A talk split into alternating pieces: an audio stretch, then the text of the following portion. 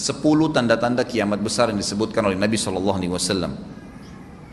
Kata beliau, amblasnya bumi di belahan timur yang pertama, terjadi gempa besar.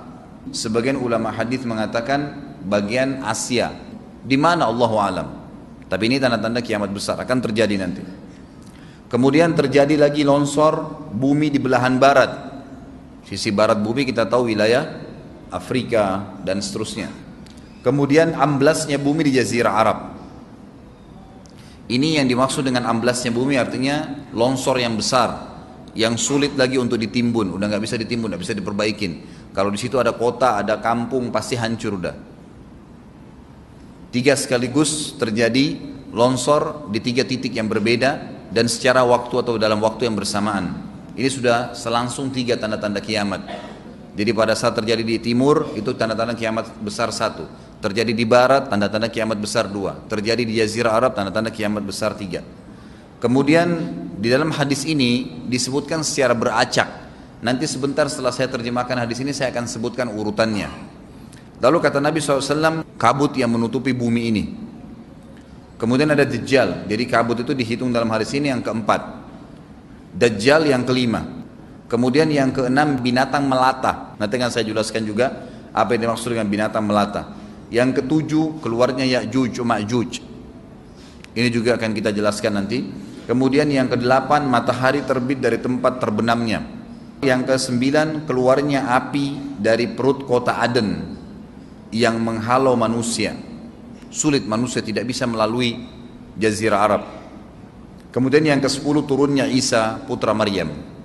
Turunnya Isa putra Maryam.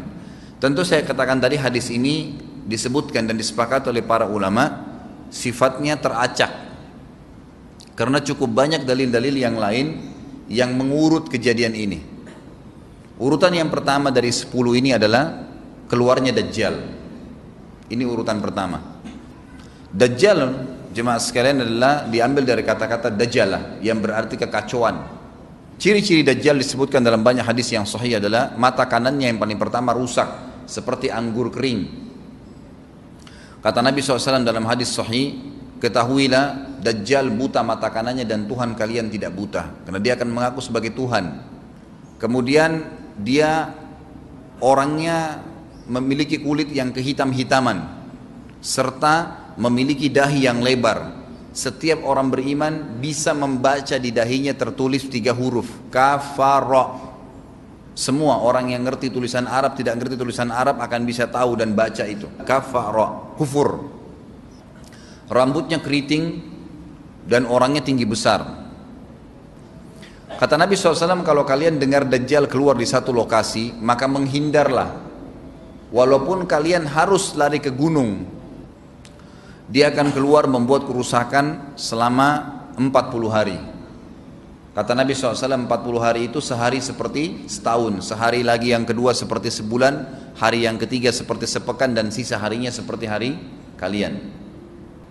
Dia akan keliling muka bumi semuanya Dan kata Nabi SAW Seluruh bumi ini akan dimasuki oleh Dajjal.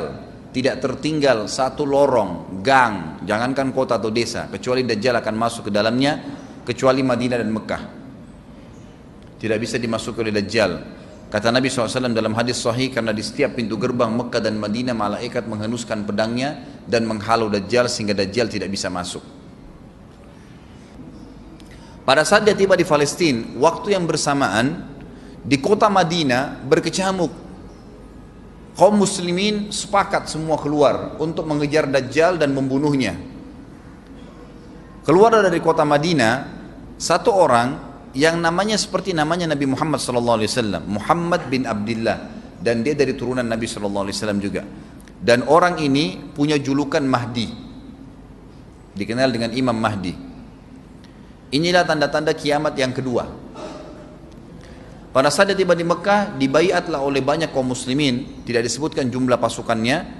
Maka terbentuklah pasukan jihad yang mengejar Dajjal menuju ke Palestina Lalu keluar tanda-tanda kiamat tiga, langsung berentetan semua. Tanda-tanda kiamat besar yang ketiga adalah pada saat pasukan Imam Mahdi dengan pasukan jihad itu tiba di Darul Bayda namanya. Hadis menyebutkan di menara itulah, di masjid itulah Imam Mahdi mampir sholat asar bersama pasukannya. Dikatakan Isa alaihissalam akan turun sambil memegang dua kedua sayapnya malaikat dan dari rambutnya yang basah meneteskan air. Maka dia pun turun lalu kemudian dia masuk dan orang-orang pada saat itu mengenalnya kalau dia adalah Isa dan mereka sudah tahu ini masanya keluarnya Dajjal ini Mahdi sudah ada. Mereka tahu akan turun Isa. Sudah ada informasi seperti saya sampaikan ke Bapak Ibu sekarang, itu mungkin muslimin di zaman itu sudah tahu semua. Sholatlah mereka, kemudian mereka menuju ke Palestina. Ringkas cerita adalah Nabi Isa alaihissalam akhirnya tiba dengan pasukan mujahidin di depan pintu gerbang Babulut. Dajjal mengatakan bukakan pintu gerbang. Mereka tidak akan mampu melawan kita karena pasukannya mereka banyak memang. Maka Dajjal dengan sombongnya menunggu di depan pintu gerbang. Pada saat dibuka, Dajjal kaget melihat ada Isa alaihissalam. Dan pada saat itu kata Nabi SAW, Dajjal faham kalau sudah tiba ajalnya. Begitu melihat Isa alaihissalam, dia lari dan badannya sambil meleleh di depan para pengikutnya. Pada saat Dajjal mati, pengikutnya pada ketakutan semua. Mereka anggap Dajjal Tuhan, mereka anggap Dajjal orang yang perkasa lah, orang yang kebal lah, beragam macam kelebihan. Mereka kaget pada saat mati maka bertebaranlah mereka dan akhirnya mereka sembunyi di bawah pohon dan di atas batu kemudian batu dan pohon akan memberikan penjelasan hai muslim ini Yahudi bunuhlah maka dibunuhlah pada saat itu mereka lalu Nabi Isa AS memimpin di muka bumi dan kata Nabi SAW pada saat itu Islam agama Islam yang dibawa oleh Nabi SAW akan masuk ke semua rumah semua rumah di muka bumi gak tersisa satu dunia ini semuanya Islam hadis sahih maka Nabi Isa alaihissalam memimpin pada saat itu disebutkan dalam hadis 40 tahun dengan ketenangan menerapkan hukum Islam. Semuanya beriman kepada Allah Subhanahu wa taala dan menjadi muslim. Setelah itu keluar tanda-tanda hari kiamat besar yang keempat yaitu keluarnya Ya'juj dan Ma'juj. Nabi SAW sebutkan ciri-ciri mereka mata mereka sobekannya kecil sehingga mata mereka kelihatan seperti sipit tapi bola matanya besar mereka memiliki rambut yang keriting dan mereka memiliki poster yang umumnya seperti poster manusia. Ada hadis yang berbunyi mereka akan mendatangi sebuah sungai, kalau tidak salah namanya sungai Tibria, airnya banyak mengalir. Kata Nabi SAW, mereka semua minum air sungai itu dan yang terakhir dari mereka datang sudah nggak dapat air. Artinya air sungainya habis diminum. Bayangin berapa banyak jumlahnya itu. Pada saat itu Nabi SAW mengatakan Allah berfirman kepada Isa berkata wahai Isa aku akan mengeluarkan hamba-hambaku yang tidak ada seorang pun dari kalian bisa mengalahkannya termasuk Isa alaihissalam nggak bisa mengalahkan maka selamatkanlah dirimu bersama dengan pengikut-pengikutmu ke gunung Tur namanya jadi memang Yajuj ini ciri khasnya kata Nabi SAW mereka memakan apa saja jadi bukan seperti manusia normalnya mereka membunuh semua yang bukan seperti mereka Sampai-sampai kata Nabi SAW tidak ada yang bisa mengalahkan mereka dan jumlah mereka sangat banyak. Salah seorang di antara mereka tahu dia akan mati kalau sudah punya seribu anak. Kata Nabi SAW dalam hadis Bukhari, kecelakaanlah bagi orang-orang yang ada di Jazirah Arab. Kemungkinan besar makna ini adalah tempat mereka dekat dengan Jazirah Arab. Kata Nabi SAW, kecelakaan bagi orang-orang yang Jazirah Arab karena telah terbuka dari lubangnya Yajuj Majuj sebesar ini. Beliau kasih isyarat dengan jari ibu jari sama jari tengahnya. Artinya mereka sudah bisa melihat keluar. Pada saat mereka keluar, maka mereka akan mulai membuat kerusakan. Kata Nabi SAW di dalam hadis sahih,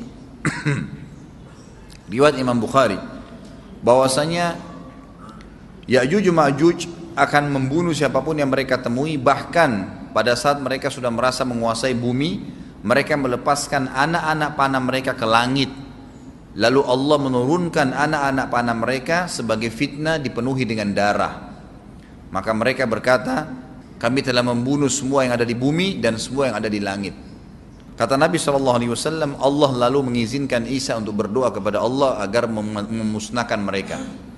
Maka Isa alaihissalam pun akhirnya berdoa, meminta kepada Allah subhanahu wa ta'ala agar mereka semua dimusnahkan. Maka pada saat itu pun Allah Subhanahu wa taala menurunkan kepada mereka hama. Sebagian hadis menyebutkan serangga kecil seperti cacing. Banyak sekali yang menimpa tubuh-tubuh mereka. Setiap orang satu. Dan itu membuat mereka mati. Kemudian setelah itu Isa alaihissalam memimpin lagi di muka bumi sampai beliau meninggal. Setelah Isa alaihissalam meninggal, kembali lagi sebagian besar manusia berbuat kekufuran. Maka Allah subhanahu wa ta'ala keluarkan tanda-tanda kiamat besar yang ke lima. Yang kelima ini adalah keluarnya hewan atau binatang melata. Binatang melata ini disebutkan dalam hadis yang sahih riwayat Bukhari bahwasanya Allah SWT akan keluarkan tapi tidak disebutkan dari bumi mana dia keluar. Dia akan keluar hewan melata yang bisa berbicara seperti manusia dan badannya dipenuhi dengan bulu. Allahu alam bagaimana. Kemudian dia datangi orang-orang yang kufur tersebut dan menasihatin dan mengingatkan mereka.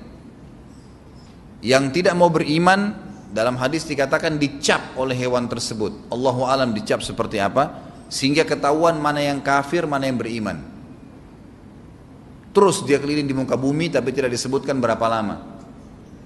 Lalu kemudian Allah lenyapkan si dabbah ini. Kemudian datang tanda-tanda kiamat yang ke-6.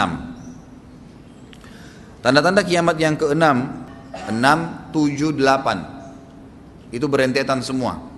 Longsor besar di timur, di barat dan di jazirah Arab. Ini tanda-tanda kiamat terjadi serentak. Sudah delapan, Kemudian terjadi yang kesembilan, keluarnya api dari negeri atau dari kota Aden. Kota Aden ini di Yaman ya. Tentu hadis menjelaskan tentang masalah api yang keluar ini artinya api bukan main-main ini bukan kebakaran sebuah masjid atau sebuah bangunan 10 tingkat. Api ini bisa menghalau manusia untuk jalan karena panasnya. Sebagian riwayat menjelaskan api tersebut akan berdiri seperti gunung yang besar dan dari seluruh pelosok dunia bisa kelihatan. Kita bisa bayangkan bagaimana itu. Yang akhirnya akan menggiring atau akan menghalangi orang-orang untuk jalan, susah. Sebagian ulama hadis mengatakan mereka nggak bisa jalan, tidak bisa ada penerbangan, tidak bisa ada orang jalan karena panasnya bumi ini dari api tersebut. Dan itu memang kemungkinan besar akan keluar satu waktu Allah alam kapan. Dan yang terakhir tanda-tanda kiamat sebelum ditiup sangkakala adalah terbitnya matahari dari tempat terbenamnya. Dan ini sudah terakhir sekali.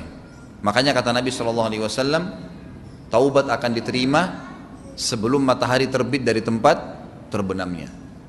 Artinya selama yang lain itu masih ada masih bisa taubat. Kalau sudah itu sudah sulit.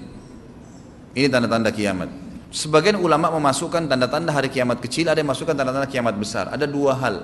Yang pertama itu adalah keluarnya Dzusuwakatain ada orang dari negeri Habasya dikenal dengan Dzusuwaka. Dzusuwaka ini sak artinya betis. Diberikan julukan Dzusuwaka karena betisnya sangat kecil. Orang ini Bapak Ibu sekalian kata Nabi SAW akan menghancurkan Ka'bah. Dan kata para ulama pada saat itu memang manusia sudah sunyi, nggak ada lagi yang datangin Ka'bah. Orang-orang sudah lalai gitu kan. Keluarlah orang ini. Makanya sebagian ulama masukkan dia tanda-tanda kiamat sebelum terbitnya matahari dari tempat terbenam. Ditambahkan ini yang ke-11 atau ini yang ke-10 terbitnya nanti kiamat yang ke-11. Kata Nabi SAW dia akan mencabut batu-batu Ka'bah satu persatu sampai rata dengan tanah. Dan saya sedang dilihatkan oleh Allah sekarang bagaimana pada saat dia mencabut batu itu. Hadis sahih riwayat Bukhari Muslim. Yang terakhir yang kedua yang berhubungan juga dengan tanda-tanda kiamat ada yang memasukkan kiamat kecil tapi ini lebih dekat dengan kiamat besar. Orang yang terakhir meninggal itu adalah orang dari asli suku Madinah yang sedang mengembala kambing. Kata Nabi SAW, orang yang terakhir meninggal dari kalian kalangan manusia. Semua orang sudah mati tinggal dia sendiri. Tapi dia nggak tahu. Dia lagi mengembala kambing, kemudian dia masuk dengan gembalanya ke kota Madinah, ditemukan semuanya tidak ada kehidupan. Nggak ada orang, nggak ada binatang, nggak ada apa-apa, tinggal dia sendiri. Pada saat dia meletakkan telapak kakinya di kota Madinah, maka pada saat itu dia meninggal. Dan inilah manusia terakhir meninggal sebelum ditiup sangkakala terakhir. Allahu a'lam.